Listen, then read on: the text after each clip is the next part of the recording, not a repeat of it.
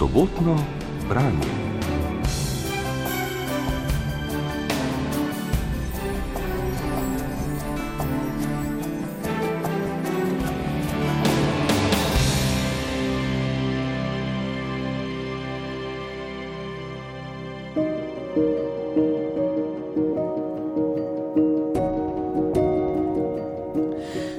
Avstrijski pisatelj in od predlani tudi prijemnik Nobelove nagrade za književnost Peter Handke že dobrega četrt stoletja razburja svetovno javnost s hudospornimi, celo sramotnimi stališči o razpadu Jugoslavije in o pokolu v Srebrenici. Tako najbrž ni presenetljivo, če so številni bravke in bravci pozabili, da je Handke vendarle eden največjih sodobnih mojstrov nemškega jezika. Prav tako pa se zdi, da so pozabili, da v njegovem opusu najdemo tudi številna dela, ki nočejo biti poudarjeno družbeno kritična ali angažirana, temveč so, ravno nasprotno, izrazito osebne, izpovedne, samo preizkujoče narave. Med taka gotovo lahko prištejemo romane Moje leto v Nikogršnjem zalivu, ki ga je Handke objavil leta 1994, za založbo Beletrina pa ga je pred nedavnim prevedla dr. Amalija Maček.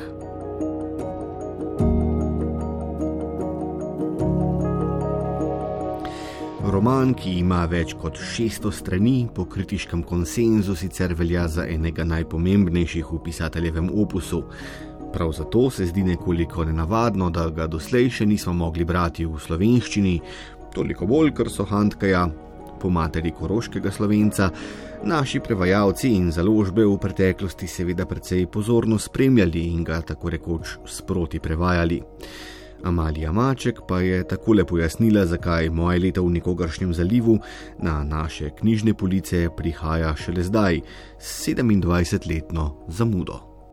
Torej, nikakor ni res, da bi imeli že vse prevedeno, kar je pomembnega v Handkevem opusu, marsikaj nam manjka, ker se je pač v nekem trenutku zgodovinskem iz političnih razlogov nehalo prevajati Handke v slovenščino. Tako da mislim, da tukaj imamo res veliko še za nadoknaditi in na področju dramatike in pa tudi nekaj proznih del. Um, zdaj, kar zadeva sam Handkev opus, um, mogoče se mi zdi ta zadnji dve knjigi, ki jih je napisal v drugi deželi in pa poslednji meč, spet izredno močni, to sta kratki, koncizni knjigi. Uh, prej pa uh, bi lahko rekli, da je prav po tej knjigi žalost, uh, ne, ne žalost, ampak moje leta v nikogaršnem zalivu, ki je šla leta 94 in je bila napisana leta 93, torej še pred Srebrenico in vsemi temi uh, dogajanji, da je nekakšen vrhunec in mogoče potem kar nekaj časa ni bilo nekega vidnejšega dela, potem mogoče se je s eh, delom še vedno vihar nekako spet povrnil nazaj in tudi prikupil tudi slovenskemu občinstvu. Um, mislim, da bi lahko Hantkeja pač eh, tudi več brali, da bi marsikaj odkrili tudi o sami Sloveniji, ker uh, Slovenija in vse, kar je slovensko v njegovem opusu igra izredno vlogo. Uh, mislim, da je eden od avtorjev, ki je najlepše, mogoče tudi včasih malo preveč romantično pač prikazal Slovenijo, kraj Piran eh, tudi v tej knjigi igra izjemno vlogo. To seveda drži, omembe slovenskih krajev se res večkrat pojavijo v mojem letu v Nikogršnjem zalivu, toda primarno romaneskno dogajanje je vendarle precej oddaljeno od krajev na južni strani Alp, pravzaprav je oddaljeno tudi od Avstrije. Handke namreč svoj roman umesti v Francijo, v eno izmed pariških predmestij, kjer spremljamo eno leto v življenju Gregorja Kojšnika, avstrica sredi 50 let, ki se posveča pisanju literature. To seveda pomeni, da je Handkejev romaneskni junak na moč podoben pisatelju samemu, ki, kot vemo, od zgodnjih 90 let prejšnjega stoletja naprej tudi sam živi v predmestju Pariza. Kaj to pomeni, da moramo moje leto v nekogaršnjem zalivu brati kot nekakšno Handkejevo autobiografijo? Amalija Maček opozarja, da stvari le niso tako preproste. Mislim, da je to eden od temeljnih problemov recepcije Handke nasploh. Handke je svojo pisateljsko kariero od začetka gradil na svoji osebi in tudi na recimo tem zmerjanju občinstva, zmerjanju starejših kolegov, kot je Günter Grass in tako on si je utemeljil nekako svojo pot na tem, kako se je sam odzival na dogajanje v literarnem prostoru, kako je pisal in tako naprej. In on se čisto zavestno poigrava s temi autobiografskimi momenti, eh, torej marsikaj pove neizprostno, iskreno, ampak hkrati jaz mislim, da s tem tudi nekako zabriše pravega sebe. Tako da to je vse čas neka igra razkrivanja in zabrisovanja, um, tako da marsikdo misli, da o Hantke ve vse, marsikdo se mi zdi, uh, pa se Hantke zelo spretno temu izmika in je mogoče eh, tisti, ki so ga kdaj srečali v živo, čisto druga oseba kot ta, ki se kaže v teh delih. Uh, tukaj v tem delu se Hantke poigrava še s tem, da kot svojega prijatelja, tega prvoosebnega pripovedovalca, upelje še lik iz uh, svoje druge knjige, tako da imamo tudi neko intertekstualnost. Uh, mislim, da se Hantke zelo, zelo vešče poigrava in da je napačno, če pač na podlagi teh knjig, ki so do neke mere autobiografske, potem to, kar prenašamo ena na ena na osebo. Ne? Tudi recimo sosedje so takrat rekli, da je tudi ta autobiografska knjiga o mami in materini smrti žalostno, kar je sanj, da je v veliki meri fiktivna, da je Hantke pač drugače povedal zgodbo, kot se je zgodila. Ne? Tako da mislim, da ima kot avtor to tudi sopravica. Drugače rečeno, Handke snov za svoje pisanje ne mara res jemlje iz lastne življenjske izkušnje, a jo na to skrbno obdela. Nadgradijo pač svojo kreativno domišljijo, prelomijo skozi prizmo umetelno zasukanih stavkov in tako na vse zadnje ustvari polnokrvno literaturo, Po besedah naše sogovornice je v očeh bravk in bravcev, ki obvladajo nemško, prav njegov umetelen slog tisti, po katerem se Handke loči od vseh drugih pisateljev. Handkev jezik je zapleten, posebej v tej knjigi, res um, dolge sekvence, zelo zapleteno v bistvu piše, ampak po drugi strani, tako kot ste rekli, on tudi sam povdarja in tudi drugi pisatelji v nemškem prostoru mu priznavajo, da nihče ne piše v nemščini tako kot on. Uh, in on pravi, da je to zato, ker ima njegova nemščina v bistvu slovanski ali slovenski pridih, slovensko melodijo. Uh, tako da meni je njegov jezik, kljub temu, da je zapleten, da je treba vse preobrniti, da je treba vsak stavek večkrat um, se ga lotiti in tako naprej, um, je neka osnovna melodija, ki mi je izredno blizu, ki se mi zdi, da nam je zelo sorodna. Tako da se mi zdi ravno iz tega vidika, da bi mogoče morali prevesti še kaj uh, njegovega, ker je to deloma tudi slovenska literatura, bi lahko rekli, napisana v nemškem jeziku, tako kot recimo Maja Haderlep. Ne. Eh, in po tematiki, in po melosu, in po slogu, in tako naprej. Veliko je tega, kar bi lahko bilo eh, tipično slovensko tudi. Morda bi tu lahko šli še za korak dlje, če namreč za slovensko literaturo velja, da so njeni prozni vrhunci pogosto lirično intonirani, da slovenski romaneskni junaki pogosto raje tuhtajo in vrtajo vase, kakor da bi zavihali rokave in se frontalno soočili s svetom in burno zgodovino, tedaj najbrž lahko rečemo, da na tako, pogojno rečeno slovensko držo, naletimo tudi v mojem letu v neko gršnjem zalivu ne sicer čisto na prvi strani, vseeno pa na začetku romana Hanke svojemu junaku v usta položi tele besede.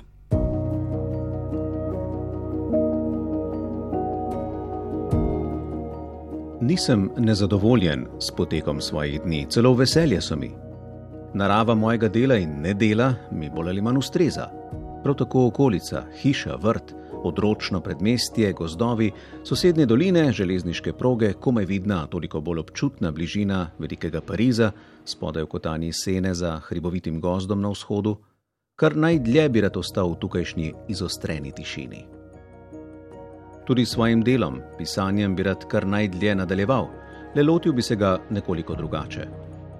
Ne bom se povrnil k pravu, ki pa mu ostajam hvaležen, da so mi njegovi problemi pogosto razgibali misli in da mi je njegov način razmišljanja v številnih pogledih tlakoval pot do sanskega poklica. Ne bom se vrnil v vodni stolp Združenih narodov v New Yorku, niti v partnerjevo odvetniško pisarno s pogledom na vinograde ob avstrijski južni železnici. Bolj verjetno bi bilo, da bi nenadoma opustil vse, kar tukaj sploh počnem: bivanje, pisanje in hojo. Že odnegdaj in tudi zdaj me mika, da bi čez noč prenehal z vsem, prekinil igro in se prepustil brezdelju, ali da bi se z glavo zaletel v zid, prisolil klofuto prvemu, ki bi mi prišel pred oči, ali prav nasprotno, ne bi niti s prstom mignil in nikdar več ne bi izrekel ene same besede. Moje življenje je obralo smer, ki se mi zdi dobra, lepa in idealna, hkrati pa nikakor ni samoumevna, da bom prestal vsak naslednji dan. Praviloma vedno znova razočaram sebe in druge. Prijatelji mi včasih pravijo, da malenkosti jemljem preresno, in da sem prestrog do sebe. Sam pa mislim, da sploh ne bi mogel več obstajati, če teh stalnih razočaranj ne bi vsakokrat znova prikril, temveč bi se enkrat samkrat soočil z njimi in si jih priznal. Spodletilo mi je že kot mlademu fantu, ko sem se pogosto predčasno umaknil iz vsake družbe, ki sem se je bil vnaprej veselil kot nihče drug. Na zadnji pa mi je spodletelo zaradi ideje, da moje delo in sobivanje z drugimi, zakaj se izogibam besedi družina, nista le združljiva, temveč dejansko sodita skupaj, če želim udejaniti svoje načrte. Zdaj pa je moja hiša ponovno prazna, verjetno dokončno. Strinjal sem se, da me zapustijo, hkrati pa sem s tem želel kaznovati samega sebe. Spet enkrat mi je spodletelo, ker nisem vedel ali ker sem pozabil, kdo sem. Kmalo bom dopolnil 56 let, pa se ne poznam.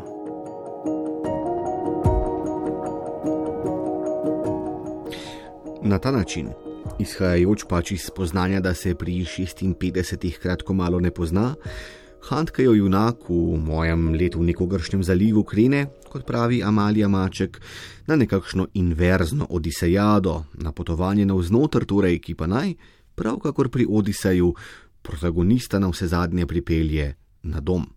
To knjigo je Hantke napisal potem, ko je sam dejansko tri leta potoval po svetu in sploh ni imel stalnega bivališča. Uh, tako da je v bistvu to neka spet autobiografska poteza, ta želja, da najdeš svoj kraj. Torej, on je celo življenje iskal svoj kraj, iskal ga v Avstriji, v Nemčiji in potem ga je zelo presenetljivo našel v nekem čisto običajnem eh, predmestju, uh, v predmestju Pariza.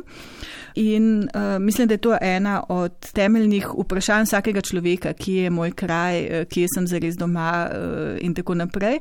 Gre za to iskanje kraja, potem pa tudi zelo eh, lepo pripoveduje, kako v bistvu ta avtor, prvoosebni pripovedovalec, čaka na novo preobrazbo. Torej, kot mlad človek je to preobrazbo že enkrat doživel, neko tako blokado pisanja, neko preobrazbo in zdaj čuti, da je po vseh teh potovanjih, potem ko se je umiril, da je čas za novo preobrazbo in to preobrazbo hoče nekaj nekako pričakati pripravljen eh, s pisalom in zvezkom v tem predmestju.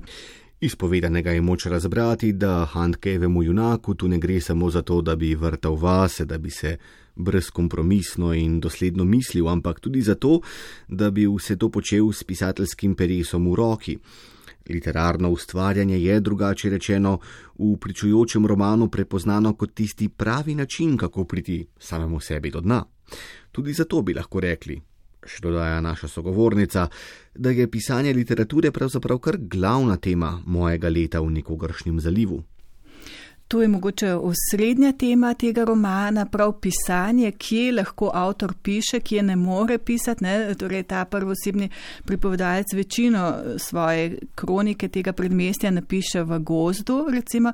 In, um, Samo pisanje je v spredju te knjige, torej kako danes pisati, kako danes napisati ep, kar si pač ta prvosebni pripovedovalec zada kot svoj cilj, ne da bi bilo samo golo naštevanje nekih dejstev ali nek dnevniški zapis, ampak eh, da bi bil to modern tekst, ki pa bi temeljil na vsem, kar je bilo napisano do sedaj. Torej, Hantke vedno znova tudi omenja pač Homerja ali uh, druge uh, velikane. Tako da um, Hantke nikakor ni samo nek vase zazrt, uh, izoliran poet v nekem uh, slanokoščenem stolpu, ampak uh, zelo, zelo pozna celotno literarno tradicijo, jo preizprašuje, išče nove poti.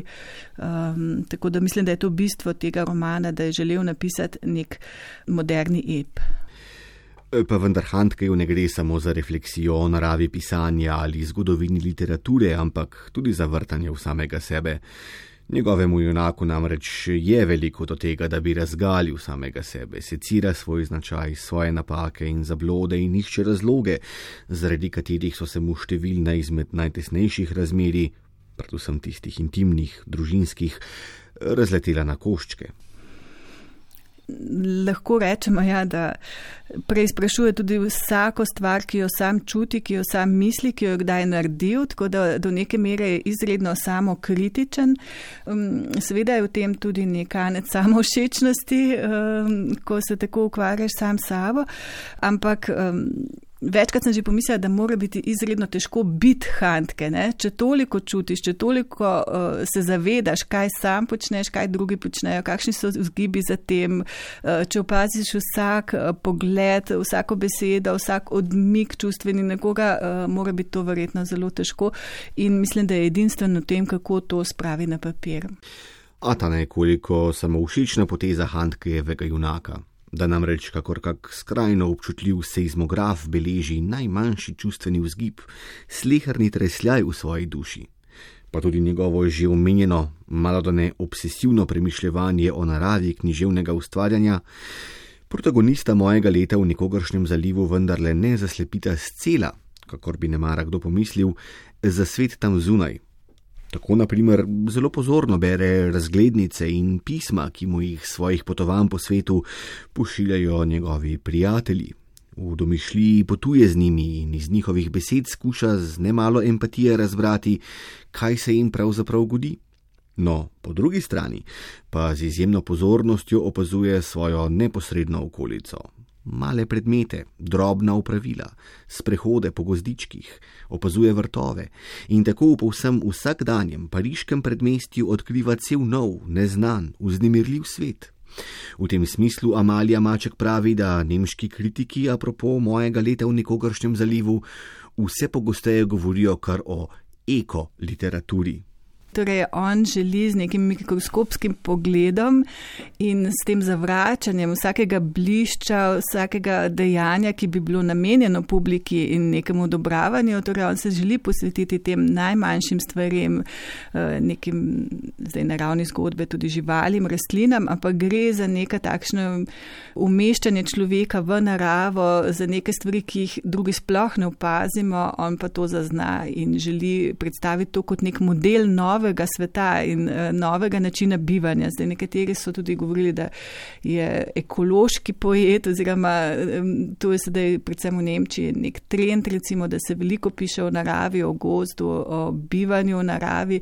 Uh, tukaj je bil Handke dosti pred tem časom in je že takrat uh, on pač prav govori o tem novem svetu v tej knjigi, tako da um, jaz sem zelo vesela, pač poznam zdaj v Sloveniji zaenkrat dva bralca, ki sta knjigo v celoti prebrala in dojela. Eh, in mislim, da bi bil Handke izredno srečen, na kakšen način in kako globoko sta dojela to, kar je on želel povedati. V bistvu gre za nek konstrukt čist novega načina bivanja, ki ne bi hlepel toliko po nekem priznanju od zunaj, ampak ki bi temeljil na tem, da se eh, pač nekako vsak posveti nekim notranjim svetovom in prispeva po svojih talentih, tako kot ti njegovi prijatelji, ki imajo vsak svoj specifičen talent.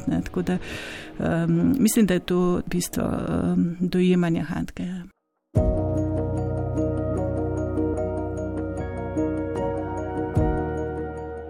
Tu imamo torej opravka z zanimivim paradoksom, da namreč nekdo, ki je povsem osredotočen na samega sebe, obenem sebe tudi presega in odkriva neskončno dragocenost stvarstva, ki ga obdaja. Natanko v tem protislovju pa se zdi ta moje leto v nekogaršnjem zalivu in njegov junak eh, zelo dobro uglašena z našim lastnim časom, ko se zdi, da bomo morali, natanko zato, ker smo precej samoljubni, začeti zares ljubiti tudi druge, pa ne gre za so ljudi ali za naravo.